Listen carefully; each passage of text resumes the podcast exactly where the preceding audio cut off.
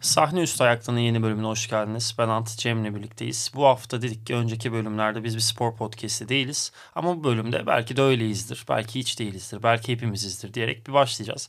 Cem'cim hoş geldin. Biraz futbol konuşalım mı? Konuşalım Ant'cığım hoş bulduk. Ne haber? İyi vallahi ne olsun. Hafta sonu bilgisayarım bozulduğu için hiç maçı izleyemedim. Arda'nın kazandırdığı penaltıyı e, Twitter'da tabii düştü önümüze. Hani hepimiz Kral Franco'ya döndük. Bütün sezon Real Madrid'i izliyoruz. Ama onun dışında Bayer Leverkusen, Xabi Alonso hocam uçtu kaçtı. Galatasaray Fenerbahçe'nin önüne geçti. Başka işte Real Madrid'i zaten söyledik. Biraz da sen futbol konuş. Valla Avrupa'da kartların yeniden dağıtıldı. Liderliklerin değişti. Puanların açıldı. Ee, güzel bir hafta oldu. Ee, Girona Real Madrid'e, Bayern Münih Leverkusen'e, önce Liverpool sonra West Ham United Arsenal'e yenildiği Avrupa futbol gündemi açısından dolu dolu ve heyecanlı geçen bir hafta sonuydu. Bakalım önümüzdeki maçlara. Peki Avrupa futbol dedik biraz da Avrupa e, müzik gündemine gelelim.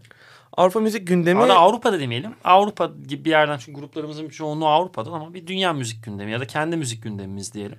Neler dinledin? Neler yaptın? Ama belki de biz Milano Sanremo mu vardı senin? Ya da Sanremo'ydu. Milano Sanremo galiba bisiklet turuydu. Aynen.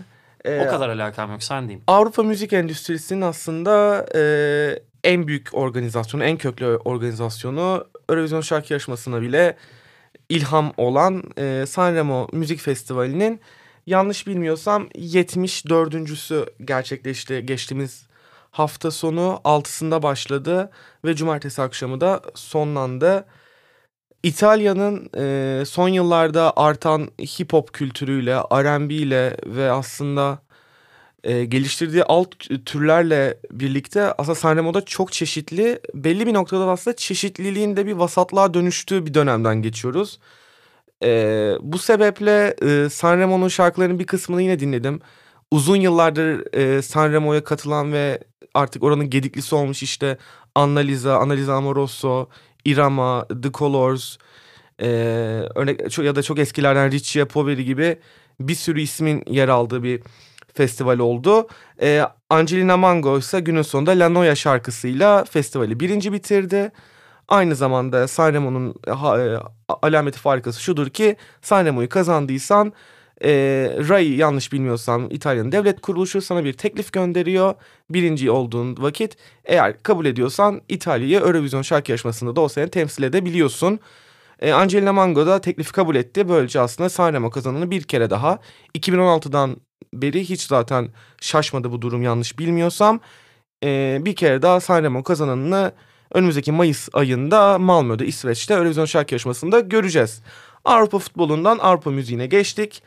Avrupa müziğine geçmişken aslında geçtiğimiz hafta biz kendi festivalimizi yaptığımız için konuşamadığımız bu sırada da Türkiye'deki bazı festivallerin en önemli festivalin belki de ilk line-up'ının açıklandığı bir güne başladık. Şöyle e, Salon İKSV'nin e, İstanbul Kültür Sanat Vakfı'ndan salonun e, gezgin versiyonu, gezgin salon yanlış bilmiyorsam 3. ya da 4. senesi bu yıl. Ve Parcel, olması lazım. Doğrudur. Parcels'in headlinerlığında Lafan ve Stavros'la birlikte Stavros'da e, DJ set olarak gelecek. Geçen sene Mix Festival'e Röksop'un geldiği gibi. Öyle bir ufak detayı verelim hani dinleyiciler de belki karıştıranlar olur. Ee, Parcels ilk konserleriymiş ben de buna şaşırdım. Hani bunlar kesin gelmiştir dedi. Yani ben evet hiç denk gelmedim ama benim hiç denk gelmem bunların gelmediği anlamına gelmez gibi bir yerdeydim. Aynen öyle. Ee, sevindim. Ee, yani lafımı geçen sene izledim İKSV'de salonda. Star Wars çok dinleyicisi değilim. Ee, ama sadece Parcells bile işte hani önceki bölümlerde hani mut, üzgün mutsuz şey, üzgün oynak popolar demiştik. Bu sefer mutlu oynak popolar olacağız. Ee, bir bekliyorum. Bildiğim kadarıyla bu line-up tadında yeni gruplar ve çok daha fazlası açıklanacak. Çok yani, güzel. Gezgin'in şöyle bir havası var. Yani bilmiyorum katılırsın katılmazsın. Sevdiğin dostlarınla ya da denk geldiğin ama çok ya, sokakta oturup buluşamıyorsun. Vaktin olmuyor ama denk geldiğinde oturup sohbet edebildiğini bileceğin insanlarla denk geliyorsun. O elinde meşrubatın diyeyim. Muhabbetini ediyorsun. Güzelce eğleniyorsun. Ve bir yandan da Seversin sevmezsin. Ben bazı grupları sevmiyordum. Kendi Sev... festivalimize sangria dağıtıyorduk. şimdi meşrubata döndü olay. Evet çünkü oranın ana sponsoru olduğu için şimdi sponsorluk durumunda işin şakasını da bir kenara bırakayım.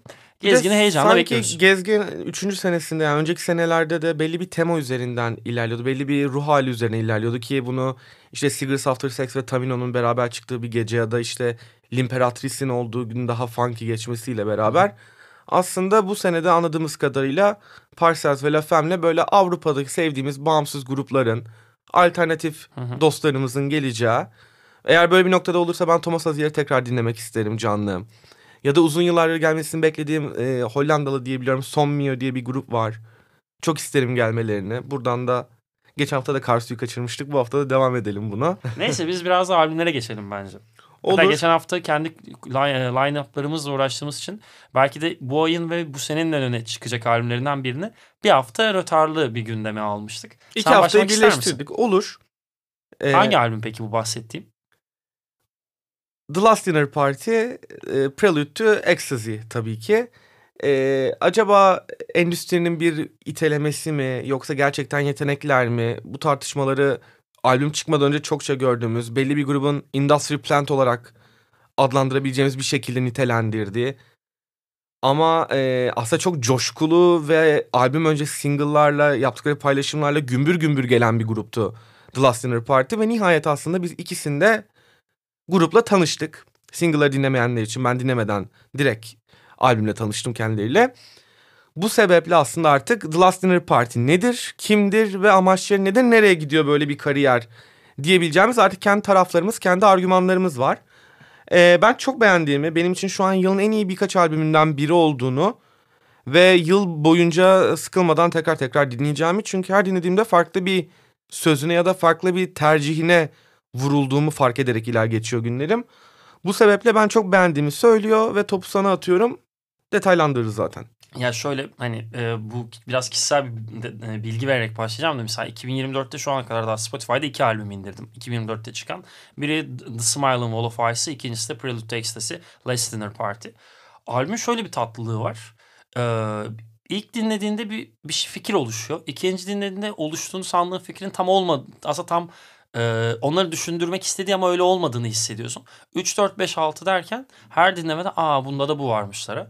Albümü şöyle bir yerden belki ele alabiliriz. Birkaç şarkıda çok bariz ve bence keyifli ABBA esintileri var. Özellikle de Nothing Matters'da. Kesinlikle. Bir yandan e, Mitski vibe'ı olan çok fazla yer var. E, onun dışında Mitski'nin adı geçerse tabii ki Florence Plus The Machine'in adı geçer. Efendime söyleyeyim e, İstanbul'a da gelecek bu sene Emma Ruth Rundle hani biraz daha gotik sularda dolanan biri ama özellikle işte e, Portrait of a Dead Girl'de hissedilen bazı fikirler var. Ya bir yandan da şöyle bir şey yani beş kadından oluşan ve müzik gibi hatta çoğu üzülerek çoğu sektörde olduğu gibi çok erkek egemen bir dünyada bu kadar bundan iki sene önce Wetleg'in yaptığı gibi biz buradayız. İşinize yani take it or leave it gibi havaları var ve Island gibi önemli plak şirketinden çıkıyor ve daha ilk albümleri. Bu da önemli. Ve benim bir diğer çok dikkatimi çeken nokta ve aslında grubu niye sevdiğimi biraz sonradan fark ettim. Aa, albüm prodüktörü. Albümün prodüktörlüğünü James Ford yapıyor. James Ford James Ford'u nereden tanıyoruz diye düşünürseniz e, Arctic Monkeys'in son albümlerini söyleyebilirim. Efendim Florence and the Machine'i söyleyebilirim. E, birkaç ay önce röportaj yapma şansım olan Jeez grubunu söyleyebilirim. Efendim söyleyeyim Falls'un e, Everything Will Not Say It Be Lost Part 1 Part 2 bu beyefendinin. Yani şöyle kariyerinde bir şeyleri iyi yaptığını bilen grupların ama bir sonraki adımda ne yapmaya çok emin olmadığını bildiğini fark edince bu grup bu prodüktöre gidiyorlar. Ve o prodüktörle aslında iş biraz daha keyifli bir yere gidiyor. Bunu Jeez grubundan hani on, e, James Ford'la çalıştıkları için direkt onlardan duyduğumu söyleyeceğim. Hani James e, sanatçısına kendi en yakın arkadaşı gibi davranan ve onun kendisini bir dostluk yani şöyle örnek vereyim. Bir dostun senden bir şeysine kıramazsın ve yaparsın ve daha çok zorlarsın Hı hı. ya kendini. Öyle bir yerden kendimizi daha farklı yerlerimizi keşfetmemizi sağlıyor demişti Max. Jeez'in basçısı. Şey pardon davulcusu. E, bu gruplarda ve bu bahsettiğim albümlerde özellikle ben e, Listener Party'de bunun olduğunu düşünüyorum ve ilk albümünden daha. Bu çok e, keyif ver, keyifli ve e, bir dinleyici olarak mo- moral veren bir şey. Bir ikinci de hangi review'dan okuduğumu hatırlamıyorum. Ve fakat bir bir benzetme gördüm, bayıldım buna. ABC grubu vardı 80'lerden bilirsin belki synth pop grubu. Onun The Lexicon of Love albümüyle Sued'in Dogmaster'ın üvey evladı demiş. Çok iyi. Çok iyi benzetme. Yani art rock vibe'ı var. Tabii klasik o hani gitar sound'undan dolayı rock vibe'ı da var. Ama çok temiz bir barok pop albümü eş zamanlı. Kesinlikle. Peki sana şeyi sormak Sana istiyorum. pası vereyim ben hatta ya da sen sor öyle. Ee, James'in prodüktörlüğünü yaptığı albümlere örnek verdiğinde aslında hem Falls'da hem de Arctic Monkeys'de görüyoruz ki müziklerinde bel- Ha bu arada bir şey söyleyeceğim. Şimdi Beth Gibbons bu sene albüm çıkaracak ya Hı ve. Pet Shop Boys. Onların da prodüktörü aynı beyefendi. çok güzel. Ya 2024'de damga vuracak ya da çok adından geçireceğini söyleyebilirim. Bad Gibbons'ın eğer yeni çıkacak albümün ilk single'ını dinlediysen aslında dediğim yere de biraz da daha sevdim. varıyor aynen öyle. Ee, belli, kariyerlerinde belli bir yere gelmiş müzisyenlerin, grupların biraz daha yaratıcı keşifler yaptıkları, biraz daha aslında müziği oyun alanına çevirdikleri, bir araç olarak kullandıkları albümlerde aslında James'i görüyoruz ve bu kreatif vizyona da aslında yine yer verdiğini düşünüyorum ben. Hani mesela Arctic Monkeys'de aslında The Car'la bambaşka bir yere Ve The götürmüştü Car müziği. fikrinin ortaya atılmasını sağlayan isimlerin başında geliyormuş. Yani aynı mantıkta o zaman bu kreatif vizyonu aslında kullanması için Abigail Morris ve ekibin diğer üyelerine de e, Prelude to Ecstasy yapmaları için böyle bir alan tanıdığını söyleyebiliriz o zaman. Kesinlikle. Ben bu arada e, grubun ona gitmesinden ziyade plak şirketi aracılığıyla ulaşıldığını tahmin ediyorum. Bunlar hiçbir bilgim yok. Ama e, Island Records gibi e, ana akıma yakın biraz daha bağımsız gibi duran plak şirketleri Universal'a bağlı zaten o kadar da şey değiller. Onlar böyle potansiyelli grupları ilk albümden güçlü tutmak için James Ford gibi isimlerle birleştirirler.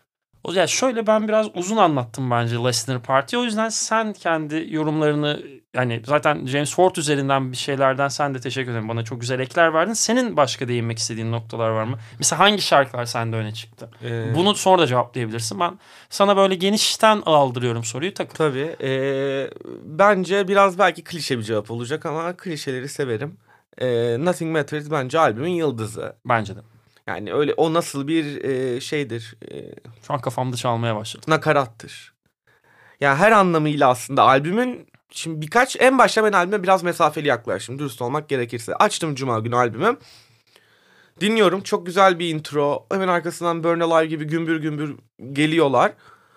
E, Ve Burn Alive'a da hemen buraya bir virgül koyup Burn Alive'a şöyle değinmek istiyorum. Ee, barok pop yapan bir grup. Bu kadar aslında medieval eski bir hava taşıyorlar. İşte gerek albüm kapağı gerek e, yaptıkları PR çalışmaları gerek artworkler kullandıkları böyle bir noktada aslında bu kadar güçlü kadınların müzik yapan kendilerini ifade eden güçlü kadınların o dönemde yaşasalardı cadı yaftasıyla yargılanabileceklerini düşündüğümüzde ve o dönemlerde e, yani eski dönemlerde cadıların diri diri yakıldığını bildiğimiz için lanetlendiği aslında albümün ilk lirikli şarkısının Burn Alive gibi bir isim taşıması ya çok güzel bir güç gösterisi gibi geldi bana. Burn Alive'ı o anlamda çok beğendim. Ondan sonra devam ederken e, Feminine Urge olması lazım bir sonraki şarkının. Orada böyle bir tereddüte düştüm. Albümdeki favori şarkılarımdan 5 tane şarkı bende çok öne çıktı. Onlardan biri de bu şarkı. Ben araya girmek istedim. Lütfen E. Feminine Urge bence de güzel bir şarkı ama değerini sonradan anladım ben. Çünkü bir formül tuturduklarını hissettim ikinci şarkıda ve bunu çok mekanik yaptıklarına inanmaya başladım. Ama e, bir noktada grubun üyelerinden bir tanesi Arnavutluk asıllıymış.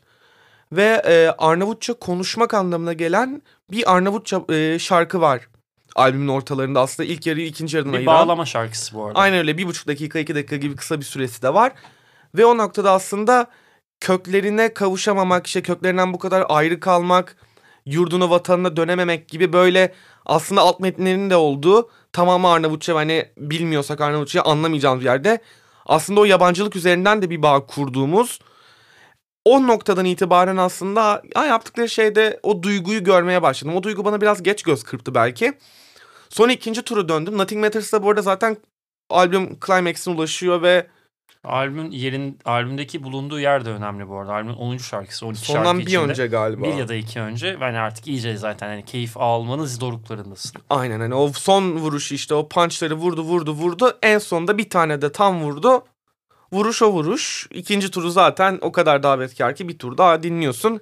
Ki ben de dediğim gibi ikinci turumda biraz daha albüme e, kanım iyice kaynadı. E, senin en sevdiğin şarkı Feminine Urge dedin. En, Diğerleri... en sevdiğim şarkı değil. Ee, en sevdiğim şarkı Nothing Matters oldu. Ondan sonra sıralı söyleyeyim. So- benim beğenme sırama göre. Caesar on a TV Screen, Portrait of a Dirt- Dead Girl, e, On Your Side of the Feminine Urge. Ben bu beş şarkı bir tık ayrıldılar. Bir de EP'miz var. Yedinci edisyonuyla Little Sims'de ufak bir göz kırptı bize. Sırayla değinelim o zaman bunlara. Ee, Rolling Stones'un e, yaşayan değil, o tüm zamanların en iyi 250 gitaristi arasında gösterdiği, ilk albümü Jamie ile güzel bir çıkış yakalayan, e, daha önce kurduğu Alabama Shakes grubuyla Grammy'ye de aday olmuş, e, müthiş bir e, müzisyenin, aşırı yetenekli bir gitaristin Brittany Howard'ın e, What Now albümü yayınlandı. Kendisinin ikinci albümü ve e, albüme ismini veren şarkıyla aslında e, çıkış yaptı. Startını verdi albümün. Ve bir bıkkınlık, böyle bir yaka silkme, bir ikili ilişkinin sonunda artık toksikleşmiş bir ilişkinin sonundaki bir yaka silkme olarak özetlemek gerekirse hani böyle özetleyebilirim şarkıyı. Onun üzerine gelen aslında bir bindirme usulü, bir katman katman bindirme usulüyle aslında albümü nasıl inşa ettiğini 9'unda geçtiğimiz cuma günü görmüş oldum. Ve kullandığı tüm tercihleri, e, bozduğu ve yeniden ya, yaptığı bazı parçaları e, çok beğendim. Bindiriyor üzerine bindiriyor. E, bazı yerlerde enstrümanın Matruşka gibi bir albüm anlattığın kadarıyla. Gibi, ben aynen. yükselemedim. Ya, iyi bir şarkıya biraz zorlanarak devam etmiş ama belki daha farklı yerleri var ama da Matruşka hissi geçti. Aynen öyle. Yani ben Matruşka'ya güzel benzetebiliriz. Ee, belli bir yere kadar çünkü aslında eklemleniyor bütün şarkılar ve o hissiyatı işte bir bıkkınlığı ama bir yeni tanışma hevesi ama o tanışmadan pişman olmuş. O ikili ilişkinin yoran, yıpratan ve sıkan bütün hallerini aslında e, tüm çıplaklığıyla göstermiş diyebilirim. Albümün ilk yarısı ikinci yarısına göre daha kuvvetli. İkinci yarıda biraz tekrara düştüğünün inandığım yerler oldu ki ay sonunda Instagram hesabımızdan da biz dinleyenler görebilirler. Puanımı biraz düşüren kısımda bu oldu. Yoksa ben ilk e, şarkı çıktığında What Now çıktığında e, bu albümü yılın sonuna kadar böyle baş tacı edeceğimi düşünüyordum. Ki ikinci single Red Flags olması lazım. E, ne kadar hani günümüzde artık herkesin kullandığı pelesenk olmuş bir kavram. Biraz Red Flag gibi böyle işte de, demin de bahsetmiş olduğum e, bazı şeyleri irdeliyor aslında ve hani zamanda yakalıyor bu noktada. 2021 yılında Sometimes I Might Be Introvert'le artık dünyanın en iyi müzisyenlerinden biri olduğunu kanıtlayan ondan hemen sonraki sene sürpriz bir biçimde bir no thank you diyen. Evet tüm endüstrinin baskısına bir sanatçının anca parasıyla bir yerlere gelebileceği gibi belli e, konvansiyonel düşüncelere gerçekten elinin tersiyle itip no thank you diyen ve bunu aniden ansızın ve beklenmedik bir anda yapan e, Little Sims. Ve bir yandan da şöyle bir şey albüm çıktığı zaman aralığında düşünecek olursak çok satış politik olsak da çok yanlış bir dönem. Alışa konvansiyonel yaklaşıma göre. Aynen öyle. Aralığın başıydı sanırım. Bütün albümler, listeler yapılmış. Bütün dönem kapanmış. 15-20 Aralık civarıydı. 15-20 Aralık. Ben o arayı Christmas'a çok az vardı. Aynen. Bir anda bir pazartesi günü mü ben yayınlıyorum Aynen. albümü ya, dedi. Sizye SOS'i çıkardı. 4-5 gün sonra bu çıktı. Aynen. Metro Boomin o ara galiba patlamıştı. Size patlamıştı. Yani zaten aslında chartları, festival line-up'larını, ödülleri, gündemi tamamen elinin tersiyle ittiği bir noktadan aslında konuşuyordu bizle de. Ve evvel hasıl kelam e, Little Sims 2010'dan beri yaptığı e, yanlış bilmiyorsam e, Drop serisinin yedincisiyle yani Drop 7'ı şöyle özetleyelim aslında. Merhaba dedi tekrar yani bize. 14 şar 14 dakikadan oluşan 7 şarkılık bir fikir bütünü bir EP'den ziyade fikirler var. Ortada belki bazıları başka daha Sometimes'daki şarkılar gibi bir bütüne dönüşecek e, ek, eklektik bir şeye evrilebilir vesaire. İyi fikirler var. Yani şu şeyini çok seviyorum Little Sims'in. Her şarkısında gerçekten onu yapmak istediğini çok hissediyorsun. Hani hiç kimsenin ona şöyle mi yapsak dediği hissi yok. Ya yani mesela Mood Swings şarkının ismine çok benzer bir girişi. Şarkının tamam zaten bir buçuk dakika vesaire. Efendim SOS, I Ain't Feeling It çok iyi şarkı bir yandan. Far Away biraz daha böyle hmm, Grey Area mıydı 2019'daki albüm? O olmasa. Hı hı. Grey Area'nın daha böyle karanlık kendi içine dönük şarkılarını andırıyor. Yani bunu ben bir EP ya da bir albüm gibi görmüyorum. Bu bir 2024 ya da 25'te bir yeni Little Sims işi görürsek nasıl bir şey göreceğiz? Konusunda bir fikir olarak alıyorum. Bir girizgah. Aynen öyle. İyi bir fragman. Bayağı iyi bir fragman. Ee, ilgi çekici ama e, dediğim gibi şu an bunu bir albüm ya da bir EP gibi tam ele alabileceğimiz forma sahip değil. Zaten bu onun bir yaklaşım. Bunu da kabul ediyorum. Ama sonraki aşamalarda ne yapacağını merak ettirecek bir işti. Ee, merakla da bekliyoruz. Yani bir yandan Little Sims'in şu an kadar özellikle Sometimes'a yaptığı yani benim diyen insan yapamaz onu. Yok. Mercury'yi de aldı zaten. Aynen. Sonunda. Sen dinlemedin. Nasıl dinleyecek henüz vaktin olmadı diye biliyorum. Drop 7'ı dinlemedim. Okey. Bir dinle sen de. Aynen Drop 7'a bir bakacağım. Böyle bir Album of the Year'da falan böyle çok 60 bandında puanlar gördüm ama. Evet, orada okey. Ben de çok uzak değilim. 5 üzerinden 3 3.25 falan. Okey. Yani şöyle dediğim gibi bu bir albüm bir EP mantığıyla Ya değil. bunu değerlendirmeye almayacağım ben yıl sonunda. bu zaten değerlendirecek bir şey değil. ya vardı, gördük, geçtik Ya gibi. bunu şöyle hmm, böyle yukarı didaktik konuşmak asla istemem. Yanlış anlaşılmayayım ama hani bazı içerikleri onun neye evrileceğini düşünerek sanki değerlendirmek lazım. Aynen. Ya da nasıl bir yol izleyecek bundan sonra o kişi. Hani bazen öyle mesela bu bende onu hissettirdi. Belki bir single toplaması gibi bile görebiliriz bunu aslında. Ee, yani olabilir. Başka bir müzisyen üzerinde konuşsak evet öyle ama Little Sims'in kendine has tavrından tam öyle olmasa Yeni gerek. bir ifade biçimi o zaman. Kesinlikle. Bütün Kesinlikle. kalıpları deneyelim. Son olarak yine bir e, 2 Şubat'a dönüyoruz ki ülkemizi de Mayıs ayında ziyaret edecekleri için aslında değinmek istiyorum. Almanya'dan çıkmış ve İngilizce müzik yapan en iyi e, grup olabilir kendisi. E, bir an düşündüm Annem My Cantarite'ın da İngilizce parçaları var Şey, bir galiba an şunu ama düşünüyorum. Aa, Kendi türü içinde mi tüm zamanlarda? Çünkü kendi öbür- türü içinde. Ha, çünkü öyle bir durumda tartışırız. Yok canım kendi türü içinde tabii ki. Okey. Ya krautrock'ları falan hiç almıyorum. Oradan Buradan da bir yandan Ken'in e, kurucularından vokal Damo Suzuki'yi de anmak isterim. Benim Aynen, hayatımda çok değiştiren güzel. albümlerdendir Vit- Ege Bamyası. Lütfen devam et. Vitamin C'de benim hayatımda yaşayan şarkılardan biridir. Aynen. e, Rookery ile aslında kendi çıkışlarını yaptıkları ve çok da güzel çıktıkları. Hemen ardından e, galiba Annem I Can't Write'la da bu arada bir işbirlikleri var aslında. İkisi birbiriyle ahbaplar diyebilirim. Son olarak da How Have You Been albümüyle geri dönen Giant Rooks'tan bahsetmek istiyorum. Imagine Dragons'ın yaptığı aslında pop rock'ı belli bir noktada kendi sularına taşıyan, bunun üzerine biraz daha bindirip aslında belli bir yöne çekmeye çalışan bir grup e, e, Giant Rooks. E, Rookery biraz daha o anlamda kıyaslamak gerekirse rock temelli poptu. How Have You Been biraz daha pop temelli rock. Hani pop rock var da rock pop var mı gibi bir janrasal tartışmaya da girebiliriz istiyorsan ama E, giremeyiz çünkü ben grubu hiç dinlemedim. ha e, Mayıs'ta geliyorlar ama askerdesin. Asker değil bir de Imagine, Imagine Dragons'a benzeyen bir şey dinlemeye ayıracak vaktim yok. Imagine Dragons iyiydi ve 2017'de falan. Aa, Imagine Dragons'ı dinleyeceğime e, uzun süre rave dinlemeyi tercih ederim. Hayatta en hani neyse devam ettirmeyeyim. Ben bunu. gittim konserine bile gittim küçüklükte. Yani işte ben o- o dönem severdim Imagine Ya, Dragons'ı. e, no. No. Hani benim için müzik, müzik değil o. Öyle diyeyim. En şey tabii. O yüzden Giant Rooks'u andım. Yüzüm düştü. Ay, devam et sen gibi. Evet, Ant'ın yüzü düştü diyorum acaba burayı atacak mıyız? Giant Rooks'tan bahsetmeyecek miyiz acaba? Aa, atabilirim bilemezsin. Aynı şekilde Grammy'lerde Taylor Swift yeni albümünün Taylor Swift de muradına erdi açıkladı aynen. Super Bowl'u da kazandı. Ya bu arada şunu söyleyeceğim. Taylor Swift, Travis Kelce ilişkisi tam klasik Amerikan ilişkisi değil mi ya? Okulun sarışın beyaz, müzik yapabilen, sesi güzel kızıyla okulun kaslı beyaz yakışıklı futbol oynayan oğlanı. Yani çok lame ya. Vasat. Çok lame. Yani- Çok lame. Amerikan futbolu severim ama çok lame bir ilişki ya. Neyse. Bu kadar da söyleyeceğim. 20 dakikalık arabayla yolu özel uçağıyla giden biri için zaten yani değmez bile. Badum tıs.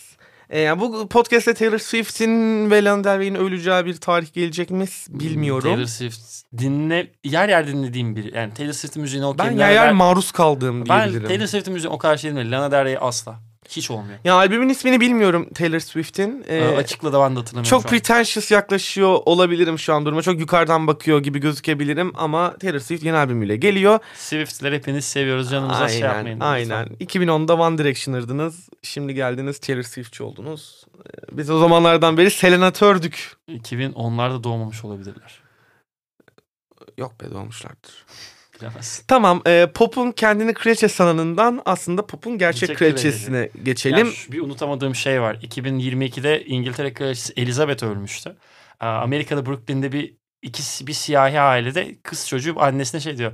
"Aa, Anne Queen öldü diye. Oha Beyoncé mi öldü? Diyor. Hani diyebileceğimiz bu kadar aslında hanımefendi. Aynen öyle.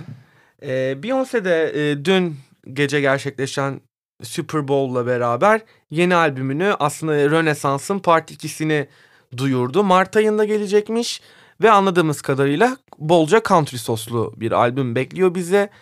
Ee, bakalım Beyoncé ne yapsa dinleriz. Yani Lemonade benim için müzik tarihinin en iyi albümlerinden bir tanesi. Ee, Beyoncé ne yapsa heyecanlanırım. Rönesans'a ben o kadar bayılmadım. Hala Lemonade'in arkasındayım. Rönesans'la Lemonade'i kıyaslamam. Ama e, mutluyum. Rihanna da dönse artık e, krem de la krem olur gibi geliyor.